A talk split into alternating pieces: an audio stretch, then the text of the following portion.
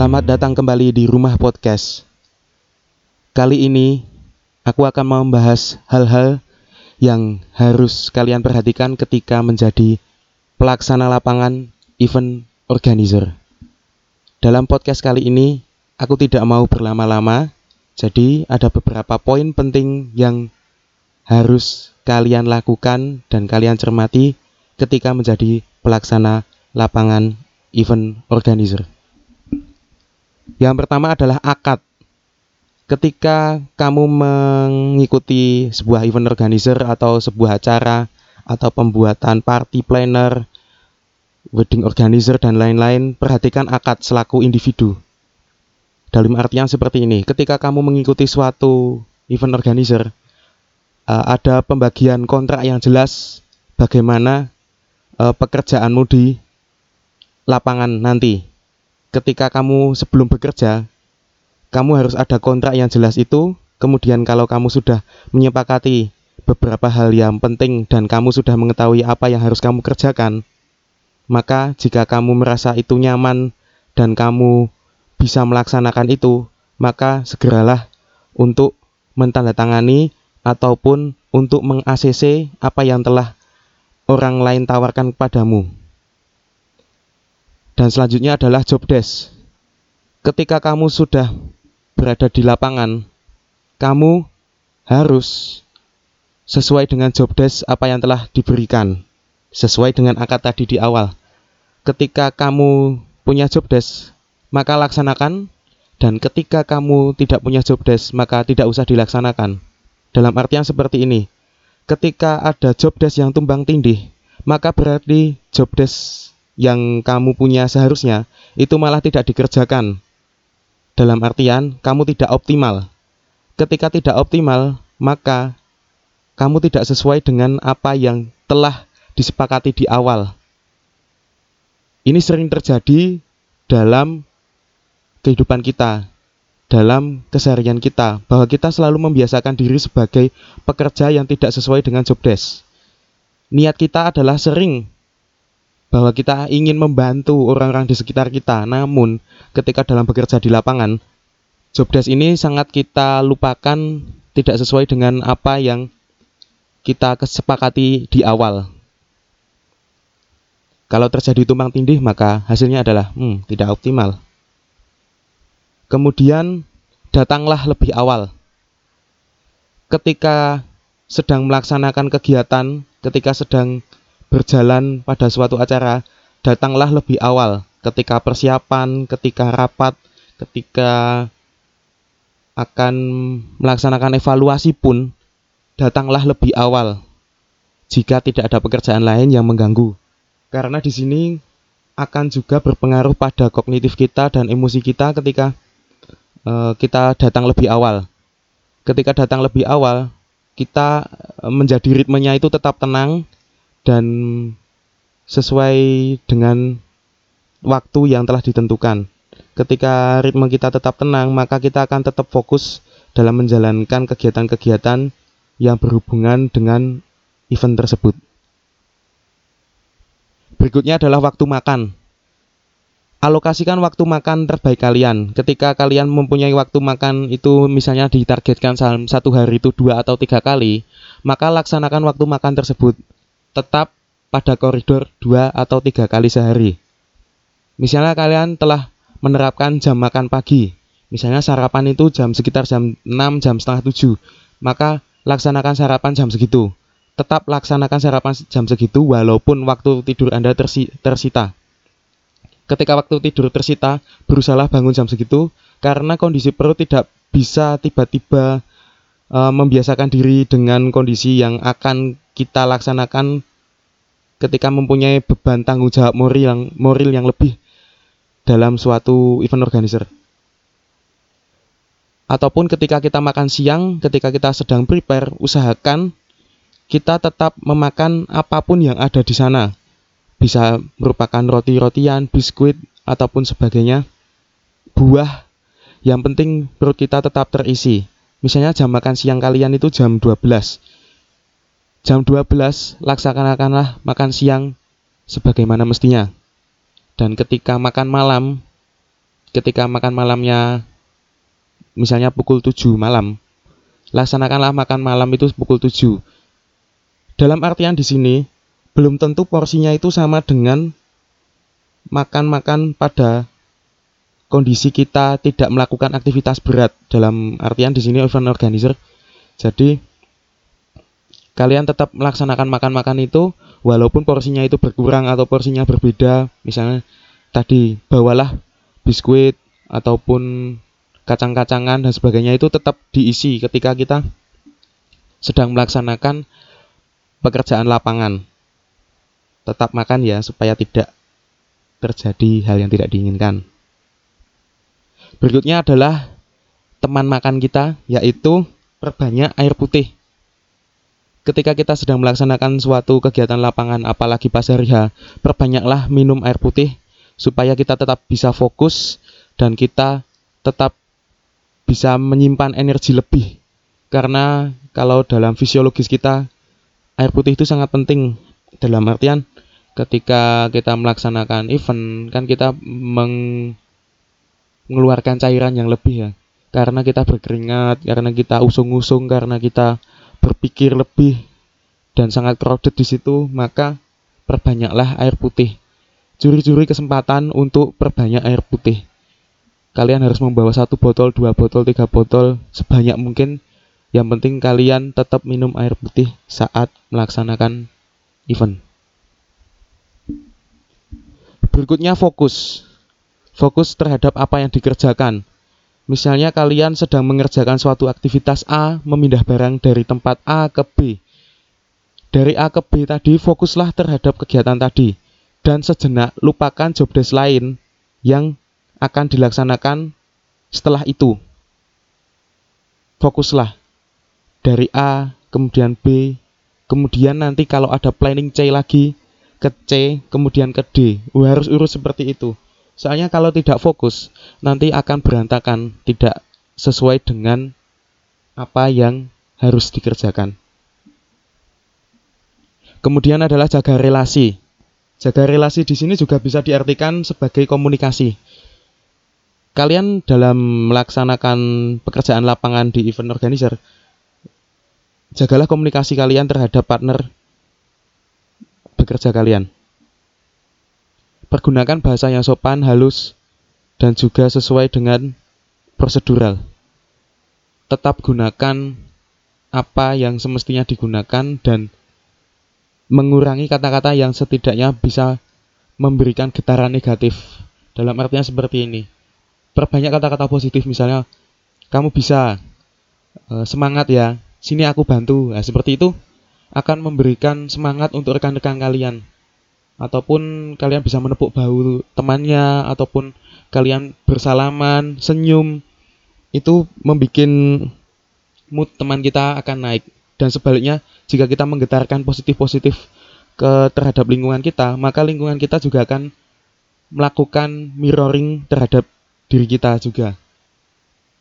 Namun ketika kita perbanyak kata-kata negatif semisal wah aku saya he wah engkau wae. Nah gitu akan menimbulkan getaran-getaran negatif yang juga akan menjadi mirror juga kalau kita melaksanakan hal-hal yang maksud saya kalau ketika kita mengatakan hal-hal negatif maka akan menjadi mirror juga pada kita bahwa hasilnya akan negatif.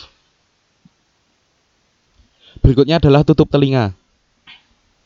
Uh, saya sampai detik ini tuh kurang percaya dengan eh, kata-kata kritik membangun ya, karena kritik itu sebenarnya sifatnya menjatuhkan uh, lebih tepatnya itu malah lebih ke saran ya. Kalau ke kritik itu apa-apa itu menjatuhkan. Dalam artian seperti ini, ketika kalian punya uh, suatu project banyak orang yang mengkritik kalian itu akan mau tidak mau malah menjatuhkan kalian. Dan kalian harus menutup telinga terhadap hal-hal kritik tersebut. Karena kalau kita memperhatikan kritik kita kita sebenarnya tidak bisa 100% memuaskan segala pihak yang ada ya. Karena dinamika kehidupan ini kan banyak banget yang namanya dalam bersosial itu. Kita punya tuntutan ini, konsumen punya tuntutan ini. Kita pun sebagai pelaksana lapangan pun kita punya tuntutan tuntutan tersendiri yang tidak bisa terpenuhi juga. Jadi tutuplah telinga terhadap kritik-kritik yang sebenarnya tidak membangun. Tidak ada istilah kritik yang membangun. Kemudian berhubungan dengan tutup telinga tadi, kurangilah update status ataupun update medsos.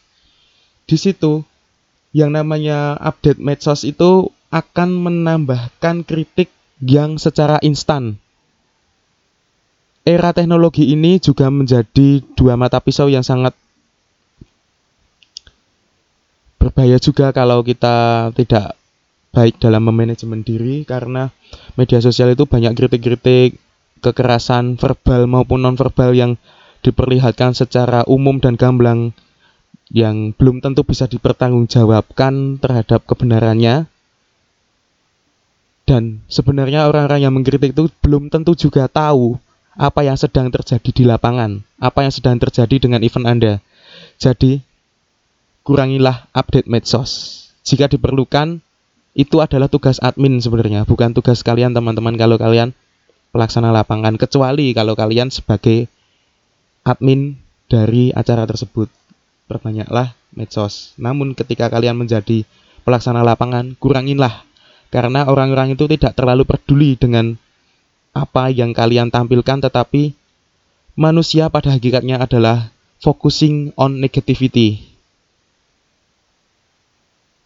Kurangilah update medsos. Berikutnya adalah tidur cukup. Ketika kalian sudah tidur cukup, maka akan menyimpan energi yang lebih untuk bisa melaksanakan kegiatan di lapangan. Ketika tidur kalian tidak cukup, kalian akan kelelahan, kalian ka, kalian akan hilang konsentrasi, kalian akan hilang fokus. Ketika tidur cukup, kalian akan lebih bersemangat menghadapi pelaksanaan lapangan. Tidur cukup di sini diartikan bukan 6 sampai 8 jam sehari, Misalnya kalian akan menghadapi prepare yang begitu panjang dan melelahkan selama satu minggu sebelum acara, tidur cukup ini bisa diartikan bahwa kalian tidur setidaknya misalnya dalam paginya kalian harus melaksanakan kegiatan lagi, tidurlah setidaknya satu atau dua jam atau 30 menit curi-curilah waktu untuk tetap bisa tidur. Karena ketika kalian tidur yang cukup, cukup dalam artian cukup waktunya sesuai dengan porsi kalian sendiri-sendiri, maka kalian akan tetap bisa fokus dan tidak mudah untuk migrain sakit kepala. Ini juga berhubungan dengan fisik kalian ketika melaksanakan di lapangan, ketika kalian fokusnya akan terganggu, kalian tidak bisa melaksanakan sesuai dengan apa yang harus dilaksanakan, maka kepala kalian juga pusing karena ditimpa oleh keadaan bahwa kalian tidak tidur cukup, bahwa kalian itu tidak menyengajakan diri untuk tidur. Jadi tidurlah secara cukup. Doping bila perlu. Ketika kalian melaksanakan event, kalian tentu diciptakan sebagai manusia yang tidak semestinya, tidak sebagai manusia normal-normal pada umumnya. Di sini doping ini berarti ketika kalian memerlukan obat-obatan yang perlu, misalnya obat tidur ataupun uh, sebagai pemacu jantung itu juga ta tapi sesuai dengan dosis. Kalau kalian tidak sesuai dengan dosis, maka akibatnya juga akan pada kesehatan kalian. Jadi ketika kalian akan doping, lakukanlah doping bila perlu ataupun minum minuman alkohol. Itu juga bisa meningkatkan semangat kalian dalam beraktivitas, namun ketika kalian over itu akan membuat malah justru sebaliknya kalian akan turun konsentrasi dan tenggeling sana sini jadi kurang fokus jadi dopingnya bila perlu saja oke okay? berikutnya adalah konsumsi vitamin ketika kalian sedang melaksanakan event perbanyak vitamin misalnya vitamin C dan sebagainya. Jadi bisa juga mendorong kalian untuk tetap semangat. Juga rawan flu juga karena kalau kalian kurang vitamin-vitamin itu rawan juga flu. Jadi malah sakit jatuhnya. Berikutnya adalah salah satu tips penting yaitu niat untuk bekerja bukan untuk menonton. Ini sering dilupakan dengan teman-teman bahwa uh, terutama teman-teman volunteer ataupun yang masih baru dalam event organizer, niat dalam melaksanakan kegiatan event itu bukan untuk menonton acara yang kita bikin, tapi niat untuk bekerja. Seringkali kita salah mengartikan bahwa ini bonus ya, bahwa menonton itu sebenarnya di event itu bonus. Kita itu di situ bekerja dan tidak bisa 100% menikmati apa yang kita sajikan karena kita sudah dibagi dan diplotkan ke bagian masing-masing yang belum tentu itu bagian-bagian itu yang bisa menonton juga event itu karena bisa juga kita diplotkan di jauh dari tempat venue uh, bukan venue sih uh, dari stage main stage acara. Itu bisa juga kita jauh dari situ. Jadi kita harus siap terhadap plot sesuai dengan poin awal tadi yaitu akadnya kita mau job desk sesuai apa. Dari awal itu kan kita sudah kelihatan. Jadi kalau kita sudah mengakses dari awal maka lakukanlah sesuai dengan job desk tadi jadi niatnya untuk bekerja bukan untuk menonton Selanjutnya adalah arahkan segala titipan kerabat ke tempat semestinya. Seperti ini maksud saya. Ketika ada segala titipan yang berbau dengan event, misalnya salah satu contohnya adalah titipan tiket misalnya. Titipan tiket itu sangat mengganggu pikiran teman-teman. Ketika teman-teman merasa uh, ini sebagai kerabat saya ya uh, akan oh yo ya sudah nanti saya saya bawakan tiketnya nah itu belum tentu kalian itu bisa memenuhi apa yang dituntut oleh lingkungan kalian apa yang dituntut oleh kerabat kalian ketika uh, titip sebuah titipan tiket ataupun semacamnya karena kita mem sudah memiliki kinerja masing-masing jadi kadang pikiran kita itu crowded bercabang-cabang dan juga sangat memuakkan. Ketika kalian seneng titip-titip kayak gitu, sebenarnya dari kami selaku pelaksana itu seneng, tapi kami lebih seneng lagi kalau kalian itu sesuai dengan apa yang sudah tertera di misalnya di pamflet atau tiketing dan semacamnya itu kami lebih seneng ke situ soalnya eh, faktor-faktor titip itu tidak terlalu banyak mempengaruhi kami di situ malah semakin bingung juga kalau terlalu banyak titipan. Oke, dari beberapa poin yang sudah saya sampaikan itu, yang jelas enjoy.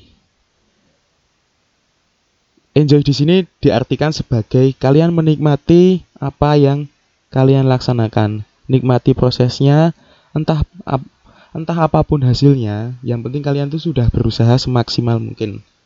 Ketika kalian sudah berusaha semaksimal mungkin, maka di situ akan dapat poin plus yaitu manajemen pengembangan diri. Ketika kalian sudah manajemen pengembangan diri kalian sudah terasah dalam suatu kegiatan, maka kalian akan juga bisa menerapkan kecrowdedan itu menjadi sesuatu yang lebih tenang dalam kehidupan yang tidak pada konteks event organizer. Jadi kalian akan menghadapi permasalahan relasi, kalian akan menghadapi permasalahan sosial di kehidupan Anda. Maka kalian akan dapat lebih tenang karena tidak menjumpai hal-hal yang semengejutkan di event organizer. Bagaimana untuk podcast kali ini? Apakah ritmenya kecepatan atau lebih baik saya menggunakan ritme yang lambat.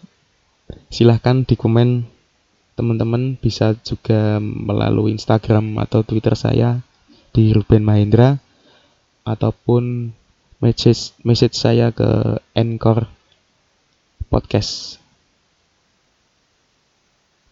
Jangan lupa untuk diklik tombol followingnya di Spotify maupun Google Podcast. Sampai jumpa di episode selanjutnya. Bye bye. Terima kasih.